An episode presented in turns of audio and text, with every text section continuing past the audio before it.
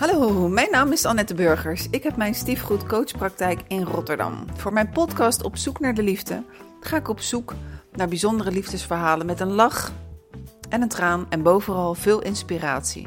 Heb je een vraag naar aanleiding van mijn podcast of wil je je opgeven? Mail dan naar annette.stiefgoed.nl. Vandaag ben ik de gast bij Karin de Hollander. Eén van de twee auteurs van het boek De mijne zijn de liefste. Daar gaan we het zo over hebben. Initiator, creator en auteur van de Stief Academie in Nederland. Welkom in je eigen huis. Ja, dankjewel. Leuk dat je er bent. Ja. En dank je. Ehm, ja, dat ik hier zit en dat jij dat boek geschreven hebt, wil natuurlijk al zeggen dat er iets is in je relatiesituatie wat te maken heeft met uh, samengestelde gezinnen. Kan jij vertellen wat je relatiesituatie is? Ja, die uh, is als volgt. Ik heb een relatie met Joost al um, ruim 15 jaar, denk ik, intussen. Vanaf 2004, zomer. Ja, dat is dus al 15 jaar. En uh, um, hij had al twee kinderen uit zijn eerste relatie. Zijn eerste vrouw is overleden. Dus ik trof een weduwnaar met twee kinderen. Zij waren toen uh, 12 en 15. En ik was zelf een jaar of 2, 33. En uh, stapte dus in eerste instantie als vrijgezel in, in het uh, stiefsysteem. maar wel met een kinderwens. En gelukkig kwam die ook nog uit. En hebben wij samen nog twee kinderen gekregen. Wauw, dat is een hoop informatie in één keer. Ja. Ik wil even terug naar het moment, naar de ontmoeting van Joost en jou. Hoe, waar hebben jullie elkaar ontmoet? En daarna, de volgende vraag, ja, toen zei hij dat hij kinderen had. En dan? Maar eerst Ja. eventjes de ontmoeting. Nou, we hebben elkaar ontmoet op het werk. En we werkten allebei bij NS, dus we zijn een terreinstel, noem je dat? Oh, echt? Maar Ja, hoe gaat ja, dat dan? Ja, nou ja, we ontmoeten elkaar. eh, het was niet meteen patsboom of zo. Eh, maar ik weet nog wel heel goed. Ik eh, kwam in dienst als een jong broekie, ergens eind 20, bij de afdeling PNO. En hij werkte bij de ICT-afdeling en we moesten een nieuwe collega aannemen. Dus we moesten een sollicitatiegesprek voeren. Ik weet nog hoe die jongen heette zelfs, die toen kwam solliciteren. Maar voor mij was het mijn allereerste sollicitatiegesprek. Dan zeg maar vanuit de PNO-kant. Dus ik vond het heel spannend. Nou goed, ik moest dat samen met een Joost doen. Nou goed, die kende ik nog niet. Ik was net in dienst. En toen gingen we dat gesprek in en toen ontmoette ik Joost. En ik weet nog dat mijn eerste gevoel was: oh, dan kan ik wel zenuwachtig zijn. Maar naast deze man kan mij niks gebeuren. Oh, Wauw. Dus ik werd eigenlijk toen al een soort rustig van hem. En dat heb ik nog steeds. Uh, maar goed, we hadden allebei uh, uh, onze relatie. En nou ja, het was gewoon uh, fijn om met zo'n ervaren man het sollicitatiegesprek te voeren. Dus tot zover. Um, dan maak ik eigenlijk een, meteen een sprong in de tijd. Want uh, nou goed, zijn vrouw werd ziek en uh, uh, nou, die overleed. Die is vijf jaar ziek geweest en ze is overleden. Um, ik heb dat wel gevolgd, hoe dat ging. En we, we, werkten veel samen, dus we hebben, hadden veel met elkaar te maken. Tegelijkertijd raakte het ook mijn eigen verhaal. Ik heb zelf ook jong mijn moeder verloren, dus ik was ook wel heel, uh, heel betrokken bij zijn verhaal, maar ook ondertussen ook best in beslag genomen door mijn eigen geschiedenis, waar ik nog niet zoveel om had gerouwd. Um, dus uh, ja, ik ben eigenlijk zo daarmee eerst mijn eigen proces maar eens ingegaan. En uh, zijn we elkaar ook daarin ook weer een beetje uit het oog verloren. Uh, nou goed, jaren later kreeg ik op een gegeven moment een mailtje van een collega. Die zegt, wist je dat het heel slecht gaat met de vrouw van Joost? En nou, toen is ze overleden, vrij snel nadat die collega dat had ge gemaild. En... En toen ben ik naar de uitvaart geweest. En daarna hebben we eigenlijk weer, ja, gewoon weer contact gekregen. Ja, en heel veel gepraat. En heel veel, ja, nou ja, zo gaat dat, hè? Heel veel gedeeld, over en weer. Dat ging echt twee kanten op. En zo, uh, ja, zeg ik altijd dat we van collega's vrienden zijn geworden. En van vrienden ben ik van hem gaan houden. En daarna werd ik eigenlijk pas verliefd. En weet je dan nog, want dat is best wel bijzonder, denk ik, dat als je vanuit vriendschap dat dan ergens dat vonkje komt en dan ook de angst van wat doet dat met de vriendschap. Kan je het je een moment ja. nog herinneren dat dat, uh, dat dat dieper ging? Ja, ja, wij hebben daarin geen logische route gevolgd. Ik, ik heb bij vorige relaties dat ik echt zo clubbang verliefd kon zijn. En dat, heb ik, dat is hier echt gegroeid of zo. En ook wel een beetje, tenminste, ik kan alleen voor mij praten. Bij Joost was dat denk ik anders. Die kon wel voller dat voelen. Maar bij mij ging het ook een beetje stap voor stap. Omdat ik ook wist, er zijn kinderen. En ik wist natuurlijk ook dat er een moeder is overleden. En dat is natuurlijk toch wel uh, um, een wat ingewikkelder start. En ik heb zelf ook jong mijn moeder verloren. En toen mijn vader een nieuwe relatie kreeg, heb ik daar van alles gezien waarvan ik toen ineens ging nadenken: hé, hey, maar dat wil ik niet. Mm Zoals wat bijvoorbeeld? Ja, ik noem wel eens echt, het is echt, heel, het is echt een hilarisch voorbeeld geworden. Maar uh, mijn, nou, ik noemde maar even mijn stiefmoeder, uh, waar ik overigens echt dol op was. Vanaf uh, het begin al? Ja, ja. Ja, mijn, uh, uh, maar dat heeft er ook mee te maken. Zij was zo welkom bij ons, omdat mijn vader heel ongelukkig was na het overlijden van mijn moeder. Echt diep ongelukkig. Dus ik maakte me als kind daar wel zorgen over. Dus toen zij kwam, brak er een soort zon door of zo in ons gezin. Dus ja, je zag je vader ook ineens gelukkiger. Ik zag hem weer gelukkig. En dat is uiteindelijk voor een kind het allerbelangrijkste, denk ik. Dus ik was heel erg blij met haar. En we hebben haar tegelijk ontmoet. We, we ontmoeten haar op vakantie. Dus we ontmoeten hè, ook, ook, ook zij en ik ontmoeten elkaar op hetzelfde moment. En ik vond het gewoon een hele leuke vrouw. Een hele mooie vrouw. Heel, ja, heel ja, mooie uitstraling, warm. Maar toen ze eenmaal natuurlijk weekenden bij ons thuis kwam en zo, toen uh, wilde zij uh, ook wel haar best doen, denk ik. En zij kon heel lekker koken. Dus ja, dat deed ik altijd hè, na, na, dat, na het sterven van mijn moeder nam ik die rol over. Dus ik zat eigenlijk altijd in de pannen. En, uh, en toen ja, nam zij het eigenlijk een soort over. Ik vond aan de ene kant fijn dat ik even niet hoefde te koken. Maar aan de andere kant was het mijn plek, maar bovenal de plek van mijn moeder in de keuken. En, en, maar dan kwam er wel eens iets over mij heen van... ja, maar je staat wel uh, in onze keuken en het zijn wel onze pannen. En dat keukenschort wat je aan had, is wel van mijn moeder. En uh, dus toen, dan kwam er zo'n kriegel, zo, dat kan niet. En, en, achteraf, nu kan ik daar wel woorden aan geven, maar op dat moment als kind natuurlijk niet. Kijk, ik snap nu dat er ook stukjes rouw in zitten. Maar, uh, en als zij dan op, ook nog eens, ging, we hadden zo'n tafelschikking, en dan ging ze ook nog eens precies op die plek zitten waar mijn moeder altijd zat. Ja, toen werd ik gewoon echt, echt strontvervelend. Heb ik alles geprobeerd om dat. Uh, uh, om, om die maaltijd te verzieken, gewoon. Ook om haar weg te pesten? Ja, ja. Nou, dat, dat zat er allemaal onder. Dat, het klopte niet. Zij moest daar niet zitten. Nou, dus, um, maar ik kon het natuurlijk niet uitleggen, maar ik werd gewoon heel vervelend. Dus ik heb mijn vader, uh, mijn vader heeft me toen naar boven gestuurd. Nou ja, goed. Maar dat voorbeeld, dat zij op die plek zat, heb ik ook meegenomen toen ik bij Joost voor het eerst thuis kwam. Zo van, waar moet ik niet gaan zitten? Of, hè, dus, en daar was ik zo gespitst op.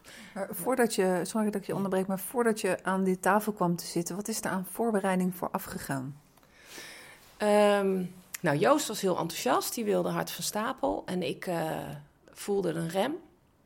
En uh, uh, ook met het ontmoeten van de kinderen vond ik heel spannend. Dus ik zei, laat dat maar even lang duren. Um, Totdat de oudste dochter van Joost mij opbelde. En die onverwacht zo, zo ja, hoi met Milou. En toen wist ik natuurlijk meteen wie het was. Zeg, ja, ik heb het met mijn broertje erover gehad en wij willen jou eigenlijk wel ontmoeten. Oh, wat lief. Ja, dat vind ik ook heel lief. Ja. Ik had het laatst met haar nog over. Ze, ze was het alweer vergeten, maar dat heeft ze inderdaad gedaan. En toen dacht ik, ja, uh, wat zit ik dan moeilijk te doen? Als zij het graag willen, dan, dan, is het wel duidelijk. Dan is het wel een signaal wat zij aangeven en dan ga ik daarop in. Dus toen hebben we elkaar ontmoet. En ja. Dus toen ging jij aan die tafel zitten? Niet op de plek van de moeder? Nee, dat was. We hebben elkaar eerst op neutraal terrein okay. ontmoet, natuurlijk. En uh, in een uh, cafeetje. En uh, dat was helemaal. Weet je, ja, volgens mij zijn eerste ontmoetingen bijna nooit meteen complex. Dan denk ik, oh, wat een leuke kinderen. En zij, nou ja, zij vonden mij ook heel leuk en leuke dingen doen, spelletjes. En nou ja, je probeert het natuurlijk Hoe oud waren zij? 12 en 15. Jeetje, en dat ze een 15-jarig meisje dat ze de telefoon pakt. Wow. Ja, ja, gaaf hè? Ja, dat vind ik ook nog steeds echt waanzinnig dat ze dat heeft gedaan. En, uh, we hebben het ook echt heel leuk gehad. En ik, uh, uh, ze appte mij, of sms'en deed je dat nog, 15 jaar geleden natuurlijk. Kreeg ik s'avonds zo'n berichtje van ze, van hun allebei, dat ze het leuk vonden. En ik zat gewoon weer in mijn eigen huisje, helemaal prima en na te genieten. Van, oh, wat heeft die leuke kinderen. En zijn er nog steeds hoor, maar... um, ja, dus dat was eigenlijk voor mij weer een hobbel, zeg maar. Hè? Zo elke keer zo'n stukje uh, stukje verder. En de eerste keer bij hun thuis vond ik ook heel spannend, want dat was natuurlijk hun huis, waar zij met hun moeder hebben gewoond, waar ik me ook niet thuis voelde. Daar hoorde ik ook niet. Ehm, en toen kwam dus dat hele van waar moet ik zitten. Dus ik, eigenlijk deed ik best wel krampachtig. Ik deed eigenlijk niet zo heel spontaan en vrij. Ik, ik dacht overal over na. Ik wilde echt geen fouten maken.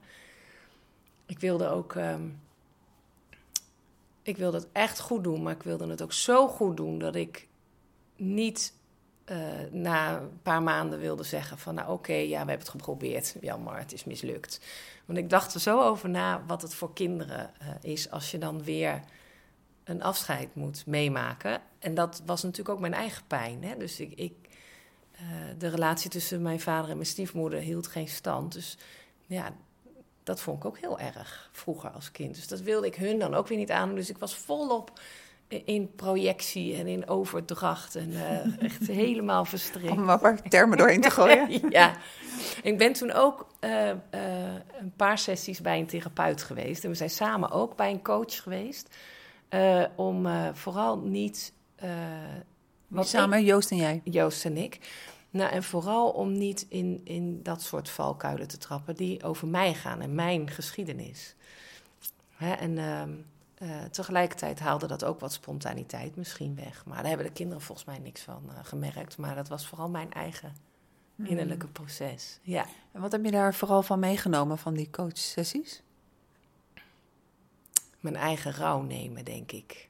En ja. hoe, ik, het is altijd een, een vraag ook uh, uh, als ik werk voor stiefgoed. Uh, het gaat altijd natuurlijk, oh, een, een, samengesteld gezin wordt gebouwd op brokstukken. Hoe mm. heb je je rouw genomen? er zijn maar weinig mensen die daar bewust een antwoord op kunnen geven. Hoe heb jij het gedaan? Um, ik heb denk ik een deel al gedaan in de, in de periode voordat we een relatie kregen. Dat is mijn eigen proces, omdat ik mijn eigen opleidingen ben gaan doen daarin. En in je eigen opleiding, althans de opleidingen die ik heb gekozen, zitten vol met persoonlijke ontwikkeling. Dus ook vol met persoonlijk proces. Ik zag dat we allebei bij Phoenix hebben ja, wat gedaan. Ja, ook. Ja, ja. Ja, dus uh, ja, nou ja, dan ontkom je er niet aan natuurlijk ook om je eigen stukken aan te kijken. Um, en dat is wel heel fijn geweest dat ik dat dat ik me daarvan bewust was. Dat ik dus eigenlijk elke keer me de vraag stel van ja, is dit nou van hun, is dit van het systeem of is dit van mij en mijn geschiedenis? En uh, ja, rouw is gewoon, ja, een, een, een geschiedenis is gewoon mijn eigen levensverhaal ook elke keer weer aankijken. En elke keer weer voelen. Ik, ik kan heel goed bij de kinderen zijn, als zij het hebben over het gemis van hun moeder. Maar wat ik tegelijkertijd moet doen, is mijn eigen gemis van mijn moeder ook, uh, ook serieus nemen. Mm-hmm. Het is heel makkelijk en het kan zelfs een overleving zijn om de hele tijd bij een ander te zijn. Maar het gaat ook heel duidelijk over van hé, hey, wat is mijn, mijn verhaal? Wat wordt er in mij geraakt? En dat ook serieus nemen. En ik heb dat in het begin gedaan, maar eigenlijk doe ik dat continu. Dat doe ik nog steeds. Dus het is. Uh, en elk, eh, op elk moment met het bewustzijn wat je erop hebt. Ik kan nog niet overal bewustzijn op hebben, of alles doorhebben. Dat is natuurlijk ook vallen en opstaan en leren. Ja, maar mhm. ik doe het nog steeds. Ik ben al 15 jaar verder. Ik heb net weer een Phoenix-opleiding afgerond. En waar ging het weer over? Het ging weer over mijn, mijn levenspad en mijn rouw. En heel veel over mijn eigen moeder. Mhm. En stiefmoeder trouwens ook. Vrouwen in zijn algemeenheid. Ja. ja. Ehm, en eh, gaan we weer terug naar waar we net waren. Eh, op een gegeven moment ging jij zitten aan die eettafel. Ja. Dus niet op haar plek. Dat wilde ik heel duidelijk niet. En ehm, ik weet het niet. Ik heb, eh, ik heb me in hun huis, als ik heel eerlijk ben, nooit echt thuis gevoeld. Ik had daar nog sterker het gevoel: ik hoor hier echt niet bij. Dit, dit is niet van mij, dit is van hun. Dit is hun geschiedenis, dit is het huis met hun moeder. Ik, ik kon er ook niet zelf van ontspannen of zo. Natuurlijk, op een gegeven moment raakte ik er wel aan gewend om daar te komen. Maar als je het dan hebt over misschien gaan samenwonen, dan eh, zag ik dat niet zo zitten daar. Nee, nee. En ik had een heel fijn eigen huisje in Utrecht. Een klein huisje, maar helemaal mijn plek. Dus de, ja, daar voelde ik me wel echt thuis. Dus ik Mhm. kon dat contrast ook wel goed voelen. Ja. En na hoeveel jaar dat jij dan in het gezin was, zijn jullie gaan verhuizen naar een samenhuis? En dat hebben we eigenlijk gedaan eh, na, eh, even denken, twee jaar, denk ik. Even, ik moet even de jaartallen hoor. Eh 2006. En dat hebben we gedaan vlak voor de geboorte van onze oudste zoon Luc. En zijn, zijn twee kinderen toen ook nog mee verhuisd of waren die inmiddels al zo? Nee, die zijn allebei mee verhuisd. Ja, naar dit huis waar we nu zijn. En ehm, ehm, ja, want eh, ik had een kinderwens en ik raakte ook zwanger. Toen woonden we nog niet samen. Ik nog in mijn huisje in Utrecht en eh, Joost eh, en de kinderen nog in hun oude huis. Maar goed, we wilden toch wel heel graag bij elkaar. Hè? Dus eh, dat werd op zoek naar een nieuw huis.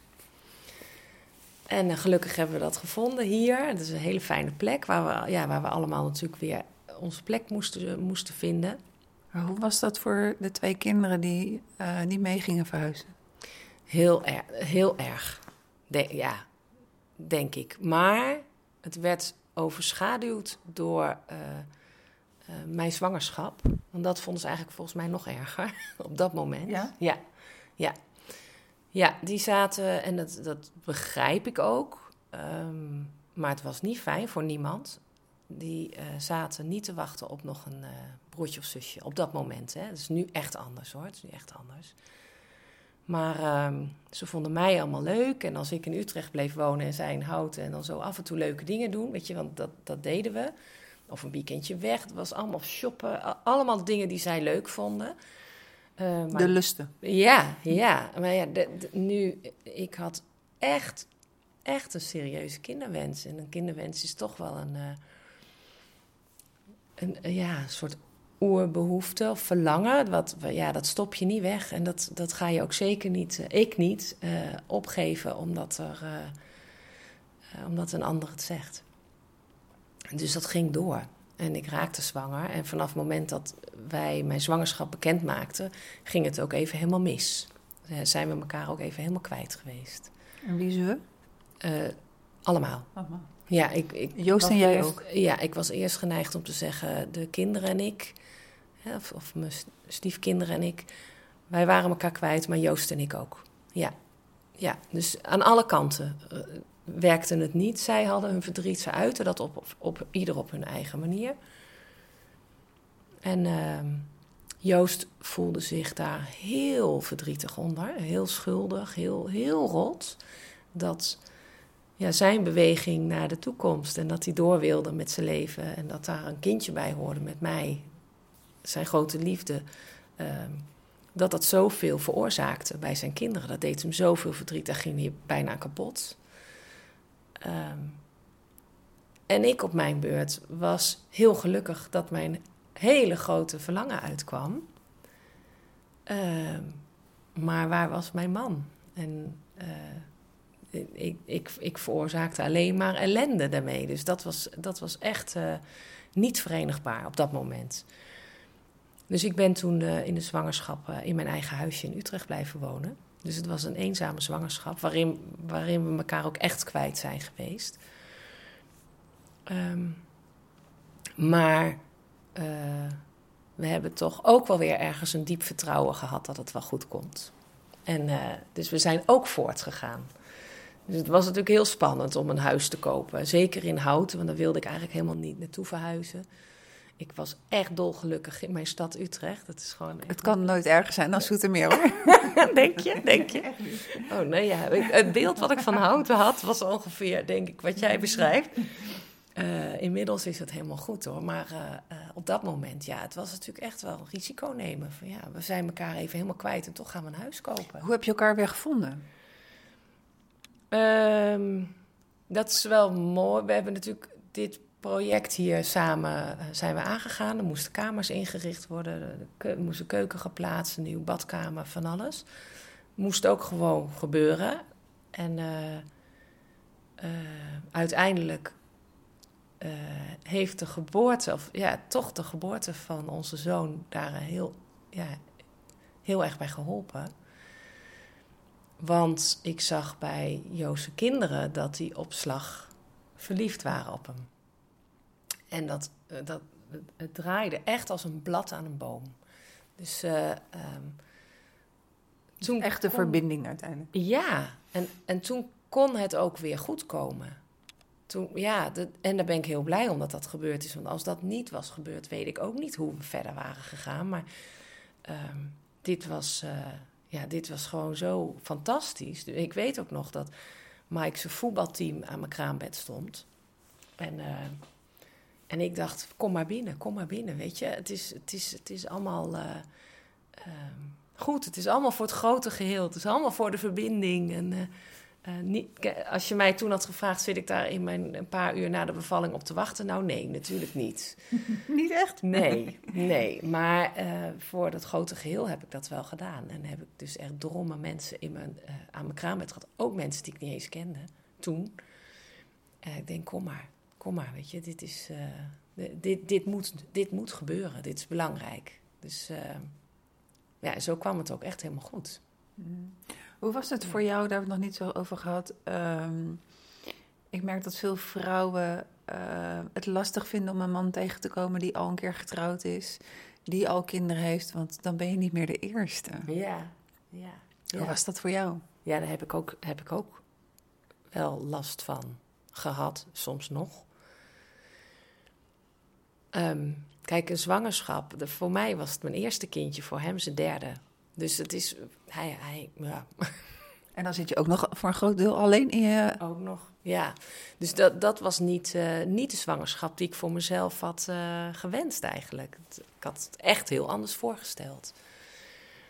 En, um, en ja, ik zeg ook wel eens, ik had heel graag met hem willen starten vanuit vrijheid. Zo met z'n tweeën verkering krijgen. De wereld samen verkennen, samen op vakantie. Weet je, dat is ook zoiets. Op het moment dat er altijd kinderen zijn en die zijn er fulltime. Uh, uh, zeker in de leeftijd waarin ze waren. Ze waren niet piepjong, maar ook niet oud genoeg om alleen thuis te laten. Dus samen op vakantie hebben wij eigenlijk nooit gedaan. En tot op heden niet, toch? Nee, nee. nee. Ik geloof dat we een keer drie dagen zijn weg geweest. Nou, dat is echt max. Dus um, ja, dat had ik wel graag mee willen maken met z'n tweeën. En als ik Joost dan hoor over zijn eerste vrouw. En uh, de vakanties die zij ook samen hebben gehad. En hun huwelijk, een huwelijksreis met z'n tweetjes. En samen zwanger worden en een kindje krijgen. Dat allemaal. En ja, die routes die je ook nu bij de jongeren ziet, hè, die, gaan, die zetten die stappen. Ja, dit, dit is, dat heb ik niet gehad. Nee. En dat vind ik ook echt, echt heel jammer. Maar ja, niks meer aan te doen. Hè. Misschien moeten we later nog een keer, uh, als onze jongste kinderen het huis uit zijn, heel veel uh, inhalen. Nou is Joost niet zo van vakantie, dus dat is wel jammer. Voor hem hoeft dat niet, maar ik vind dat echt heel leuk. Ja, dus uh, nee, dat herken ik echt wat je zegt. Laten we even een, stap, een stapje maken. Uh, er ligt een heel mooi boek bij ons, De Mijnen zijn de liefste. ik heb hem helemaal gelezen. Ik dacht van wauw, dit boek had ik persoonlijk twaalf jaar geleden echt willen lezen oh, ja? voordat ik erin stapte. Ehm, uh, wat maakt, hoe, ja, waar, wanneer kwam het idee van uh, er moet iets op papier? Ja, dat kwam eigenlijk omdat uh, ik heb een ander boek hier nog op tafel liggen. Dit boek had ik eerst geschreven samen met Mieke Ankersmit in 2010. Dat, de titel is Ouders zonder voorbeeld. Zal ik even laten zien. Um, daar hoef ik niet zo heel veel over te vertellen nu in dit kader, maar dat heeft wel een belangrijke aanzet gegeven voor dit boek. Want dit boek gaat over ouders die als kind zelf een of beide ouders hebben verloren of zijn afgestaan ter adoptie. Dit was ooit mijn afstuderen onderwerp uh, tijdens mijn opleiding, de Academie Integrale Menswetenschappen. En het gaat heel erg over rouwen en hechten. En ik heb dit ook geschreven met het proces van mijn eigen moeder missen en uh, uh, zelf moeder worden. En wat er dan gebeurt met rouwen en hechten. Als je niet rouwt, hoe beïnvloedt dat je hechten? Um, maar dat was zo gaaf om te doen. Een boek schrijven. Dat deed ik allemaal in mijn vrijwillige tijd en in mijn zwangerschapsverlof. Gewoon naast mijn baan die ik toen had. En dat was zo gaaf. En destijds had je de Stichting Stiefmoeders Nederland. Ik weet niet of je die uh, nog kent. En uh, Maaike van Goetem, de oprichter daarvan, die had een uh, heel groot onderzoek gedaan naar stiefmoeders in Nederland. Hoe zij hun stiefmoederschap beleefden. En door drukte en allemaal, ik doe het allemaal als vrijwilliger, um, was dat, ja, ik weet niet of het echt in de la lag, maar ik vond dat het wel de wereld in mocht. Dus ik heb, daar begon het mee. Van, ik heb dit boek geschreven en ik weet dat er een onderzoek is. Laten we dat omzetten in een boek. Dus zo begonnen Maaike en ik als boek. Um, alleen voor stiefmoeders. Maar goed, er kwamen, uh, uh, op een gegeven moment kwam Ietje, Ietje Heijbroek erbij. Een van de uh, eerste voorvechtsters voor stief in Nederland. En die ook al een boek had geschreven. Die kwam erbij, want wij hadden toch te druk, ook met andere dingen. En Magda Hengst. En ehm, zo gingen we met z'n vier een tijdje op weg. Van nou, hoe moet dat boek er dan uit gaan zien? En, nou, uh, ondertussen waren Magda en ik allebei systemisch opgeleid natuurlijk. Steeds meer aan het uitzoomen van hé, hey, we kunnen ons helemaal richten op de stiefmoeder. Dat is ook vaak degene die aan de bel trekt, volgens mij, als het niet goed gaat. Maar het gaat uh, ook over de partnerrelaties, het gaat over loyaliteit, het gaat over uh, gezin, het gaat over familie, het gaat over rouw, het gaat over een systeem eigenlijk. Dus wij gingen steeds verder uitzoomen. Um, en daarop zijn we eigenlijk doorgegaan. En Maaike die kreeg nog kinderen erbij, dus die is haar route gegaan. Ietje heeft afscheid genomen van haar werkende bestaan, die ging met pensioen. Maar met het volle vertrouwen, ga door hiermee. Ik had toen ook de droom van de Stiefacademie al, dus Ietje heeft haar, haar hele bibliotheek, wat er gaat over Stief, alle onderzoeken die zij ooit heeft gedaan, alle mappen, oude videobanden. Uh, ik geloof wel 80 boeken die over de wereld bekend uh, waren op dat moment over Steve, heeft zij mij geschonken. In het volle vertrouwen, Karin, ga met deze missie door. Dus uh, vind ik heel belangrijk als we het over het boek hebben, dat we er ook echt, echt uh, Maaike en Ietje bij noemen. Want die zijn er echt in het begin heel, heel betrokken bij geweest. En nog zijn ze betrokken.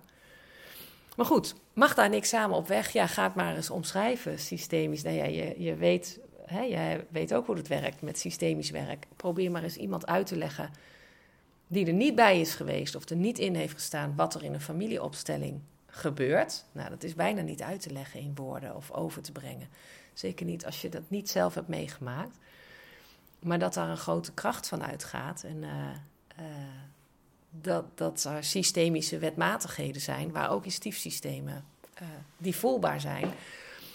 Ja, dat is, dat is wel een hele klus om dat simpel op te schrijven. Nou, daar hebben wij dus ook echt ook letterlijk een hele klus aan gehad. Want uh, ik begon het eerste telefoontje met Mike in 2010. En uiteindelijk zijn in 2014 waarschijnlijk Magda en ik echt losgegaan met z'n tweeën. Dus we hebben vijf jaar ja, zeker vijf jaar geschreven. Duizenden uren schrijfwerk, denkwerk zitten in. En als je het leest, denk je, oh, het is best wel... Het is heel goed leesbaar, zeker. simpel opgeschreven. Maar goed, om nou, simpel wil ik niet zeggen, maar het is wel heel goed leesbaar. Ja, oh, fijn. Dat is wel, uh, dat is wel fijn. En, uh, maar ja, om diepe dynamieken heel uh, overzichtelijk op te schrijven, dat is gewoon een hele klus. Dus, maar daar zijn we wel in geslaagd. Absoluut, absoluut. Ja. En ehm, de Stief Academie, wat wil je daarmee? Ja, die, ehm, dat eerste idee ontstond tijdens het schrijven, ook in 2014. En eh, het enige wat ik toen heb gedaan is de domeinnaam registreren en, eh, en het als droom bij me dragen. Want eh, ik vond echt, eh, eerst moet het boek af, want het is gewoon belangrijk in het fundament. Eh, inmiddels is het boek af. Ehm, heb ik dus ook echt ja gezegd tegen de volgende stap. Dat is die droom toch realiseren. Ehm, daar heb ik ook een offer voor gebracht. Ik heb mijn baan opgezegd. Ah, we hadden het net in het voorgesprekje al even over banen en combinaties. Nou, het was voor mij niet te combineren om dit erbij te doen naast gezin en een volle, leuke, maar volle baan. Dus er moest een belangrijk besluit genomen worden. En dat is eh, eh, eerst eh, me daar helemaal voor vrijmaken. En dat doe ik sinds 1 september 2019. En ja, ik ben nu eigenlijk bezig om het fundament goed neer te zetten. Ik begon heel enthousiast met zenden, wat we allemaal willen vanuit de Stief Academie. En vooral een kennisplatform zijn, veel ja, voor professionals en voor stiefouders. Ehm, eh, niet zozeer zelf hulp bieden, maar wel verwijzer zijn daarin. Of nou, gewoon eigenlijk alle kennis die er is, waar iedereen achterkomt op zijn eigen plekje bij elkaar krijgen, bundelen. Ehm, en, en nog meer. Eh, eh, ik denk dat heel Nederland nog wel wat meer zou mogen afweten over samengestelde gezinnen. Absoluut. Als je kijkt naar vanuit het onderwijs dan, waar ik vandaan kom. Vroeger eh, was de minderheid van de klas eh, kind van gescheiden ouders. Ik weet zelf dat toen ik vier was eh, en in mijn tijd, toen mijn ouders gingen scheiden, was ik de enige, heel lang in de klas. Maar als je nu kijkt naar klassen, ehm, basisschool en voortgezet onderwijs, dan is de minderheid het kind van het, uit het kerngezin. Kerngezin, en de rest eh, heeft allemaal te maken. Precies, en eh, hebben veel traumatische ervaringen achter de rug. Dus dat is eh, zeker een noodzaak dat er steeds meer kennis komt. Ehm, de vorige keer dat we elkaar ontmoetten, toen vertelde je iets over de illustratie aan de voorkant. Wil je dat Oh, nog even vertellen? Ja, ik zal hem even goed laten zien. Het is een hart, omwikkeld met andere harten, maar je ziet er ook breuken in. Ook hou hem voor je gezicht, dat is helemaal niet zo. zo. Even niet. En eh, ehm, dat is het principe van, eh, dat is een Japans principe. Ja, die breuken die zijn dus eh, gerepareerd met gouden draden. Ik zal het even voorlezen, want het staat gewoon zo goed aan het begin van het boek. Dat is het Japanse principe van kintsugi. Ik hoop dat ik goed uitspreek, mijn Japans is niet zo goed. Waarbij breuken in porselein of scheuren in kleding gerepareerd worden met goud, waarna de waarde eerder toeneemt dan afneemt. Hier een met goud gerepareerd hart dat met gouddraad andere harten omwikkelt, waardoor ze samen een systeem vormen. Ja, prachtig. Prachtig gevonden Ja, ook. Ja, echt. Ja, dankzij onze eh, ontwerpster hoor hiervan, eh, eh, Renske de Kinkelder. Als ik dat ook goed uitspreek. En eh, eh, ja, we zijn daar heel blij mee dat ze dit eh, hierbij heeft bedacht. Zo. Ja. Nog een persoonlijke vraag, Karen. Wat is nou, stel hè, de elevator pitch, je komt iemand in de lift tegen en nou, die weet dan dat je een boek geschreven he- hebt en die vraagt van, wat is nou de belangrijkste les die je mij kan geven? Want ik ben nu verliefd geworden op een man en die heeft kinderen en ik, ik weet niet wat me te wachten staat. Drie minuten, hoe maak je hem? Nou, koop het boek. nou, dat is, zou, zou wel een leuke vraag zijn. Want ik weet niet wat jouw ervaring is. Maar als stellen net starten en verliefd zijn... dan zijn ze meestal vooral verliefd... en hebben nog niet zo in de gaten wat daar dan allemaal achter vandaan komt. Ik weet niet eh, of dat ook jouw ervaring is met eh, cliënten die dan in je praktijk komen. Die, die komen pas als het... eh, Als het kwart over twaalf is of vijf Ja. voor twaalf, Ja, als ik geluk Ja. heb. Het zou zo gaaf zijn als we toch met z'n allen ook iets in dat preventieve veld zouden kunnen. Ja, preventief, ja, misschien wel. Hè, dat we iets, eh, iets eerder eh, al in beeld zijn. Mhm. Want dan, ze- dan kan je een wat steviger fundament neerzetten. Dat, is dus ook wel, dat is ook wel een onderdeel van de missie hoor. Ja. Om eh, daarover toch meer algemene bekendheid ook in Nederland te krijgen. Dus dat doe je onder andere door ook zo'n podcast. Weet je, het is toch wel heel, eh, heel goed dat we daar veel in zenden met z'n allen. Hè. Daar hebben we volgens mij een gelijke missie in. Dat we dat gewoon. eh, volgens mij zegt Patricia ook, we moeten Nederland wakker schudden. En daar ben ik het helemaal, helemaal mee eens. Er is gewoon veel werk te doen nog. Eh, maar het zou fantastisch zijn als iemand zegt: Hé, hey, ik ben verliefd op een man en we hebben allebei kinderen, of hij heeft kinderen, of ik heb kinderen. Wat nu? Dat, eh, de- dat er dus al iemand zo bewust is van: Hé, hey, daar gaat iets gebeuren wat, wat, wat ingewikkelder is dan een gewoon kerngezin. Ja, wat is dan de belangrijkste les? Ja. Eigenlijk de belangrijkste wijsheid. Dus in eerste instantie zeg je van, eh, oké, koop mijn boek. Maar dan Ja. moet nog iets achteraan. Ja, hè? Ja. Nou, weet je, als je echt systemisch kijkt, gaat het om het insluiten van alles. Dus dat je niks uitsluit. Dus ook niet een ex uitsluit. En ook, eh, eh, of dat nou klikt of niet, ook met, met, met de kinderen van je partner. Of nou al die ver- verbindingen. Ehm, er komt veel meer bij dan bij een kerngezin. Dus daar sta je vooraf denk ik helemaal niet bij stil. Wat je er allemaal nog aan ja, ik noem dat relatiegeschenken bij krijgt. Ehm, en daar is wel veel in te. eh, eh, daar, daar gebeuren wel veel dynamieken.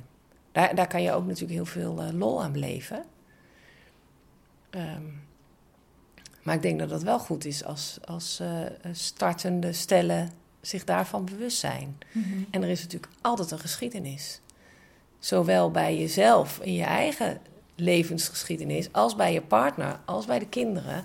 En er is natuurlijk altijd iets aan vooraf gegaan. Dus er is altijd rouw. En wat ik ook heel belangrijk vind om te zeggen, ik weet niet of ik dat toen bij jullie op die dag ook heb gezegd, maar er gaat heel veel over rouw hè, door scheiding en door, of door een overlijden van een ouder. Bij, bij kinderen en bij partners. Maar ook, hè, zoals je in mijn situatie kijkt, van een vrijgezel ineens zo erin stappen. Dus dan denk je, oh, dat is een makkelijke situatie. Ehm, als ik kijk, nou ja, daar heb ik wel net wel ook wel iets over verteld. Als ik kijk, dat wil niet zeggen dat ik geen rouw eh, tegenkwam op die weg naartoe. Want het zijn natuurlijk verwachtingen die je hebt. Nou, wat je net zei van, goh, ik ben niet zijn eerste partner. Ik heb niet samen kunnen eh, genieten van een ongecompliceerde verkeringstijd, een huwelijk, vakanties en samen een kindje krijgen. Maar ik moest ook mijn huis loslaten. Dat was echt mijn plek. Dat was mijn bedding. Waar ik me heel fijn voelde. Dat heb ik ook los moeten laten. Dus uh, allerlei nou ja, verwachtingen die niet uitkwamen.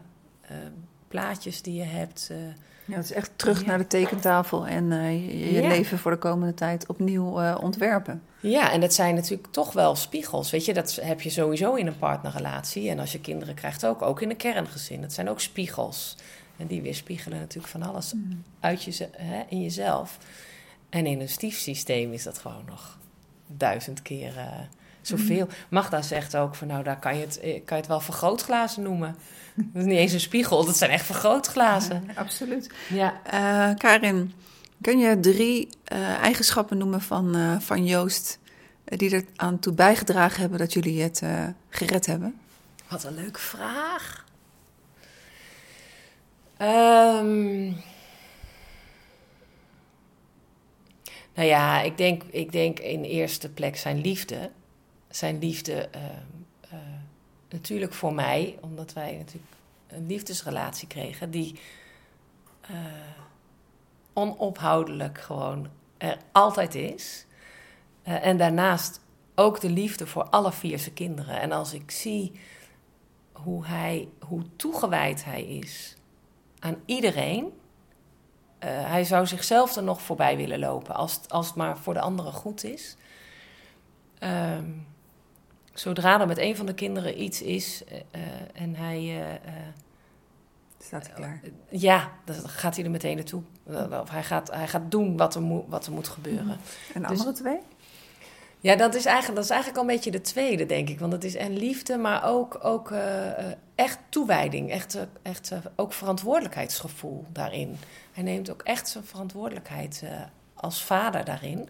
En daar bewonder ik hem ook heel erg om. Ik vind het de beste vader die zijn vier kinderen kunnen hebben. Um,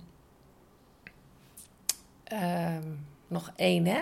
Nog één eigenschap. Ja, en ja, nou ja, wij, wij lachen ook heel veel. Dus ik vind zijn humor, onze humor met elkaar ook. Jullie hebben wel dezelfde humor. Ja, we hebben wel dezelfde Ja, mijn humor. vriend en ik niet. Nee, oh, dat, dat lijkt me onhandig. Ja, je hebt allebei apart lol. Oh ja, dat is wel- ja, nou ja. Wel dubbel lol ja, dan. Ja, dat, waar, dat wel, ja. ja. Nou, maar het is toch wel, eh, eh, ja, toch wel veel, eh, veel plezier met elkaar. En ook, wel, ook echt met de kinderen. Die, zeker onze, weet je, onze jongste is tien, maar die heeft nu al een humor dat je denkt, nou, Het geërfd van jullie allebei. ja. Wat zou Joost eh, jouw drie eh, beste eigenschappen vinden voor dit eh, gehele avontuur?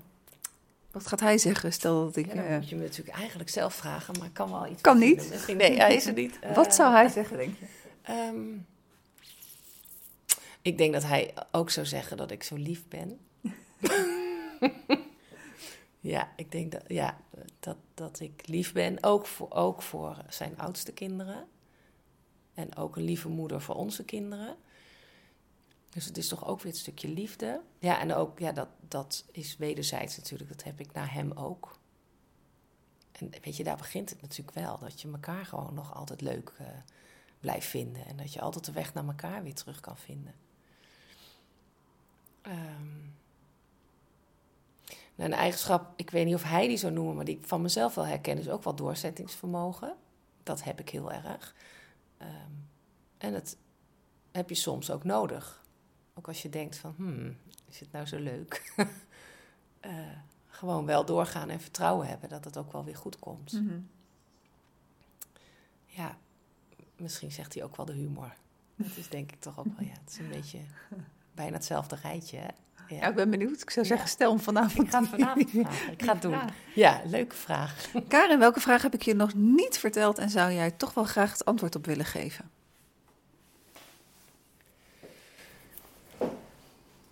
Volgens mij hebben we al best wel veel onderwerpen gehad, hè? Ja. Ja, ik zou, ik zou eh, het heel gaaf vinden als eh, eh, mensen weten dat de Stiefacademie er is. En dat die ook echt, dat we daarin ook echt met volle eh, toewijding bezig zijn om dat groter te laten worden. Om daar veel in te gaan ontwikkelen, om, eh, om onze missie, hè, die jullie ook hebben, die, om die uit te dragen. En ehm, ja, daar hebben we gewoon grote plannen mee. Dat is eh, kennis uit te wisselen. Natuurlijk begint het bij, het kennis van, bij de kennis vanuit ons boek. Ik denk dat het goed is als veel hulpverleners daar ook, eh, ook eh, eh, iets in.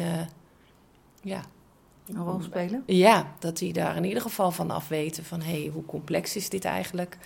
En dat ze deze materie ook tot zich nemen. Want er is wel echt een kennisachterstand in Nederland.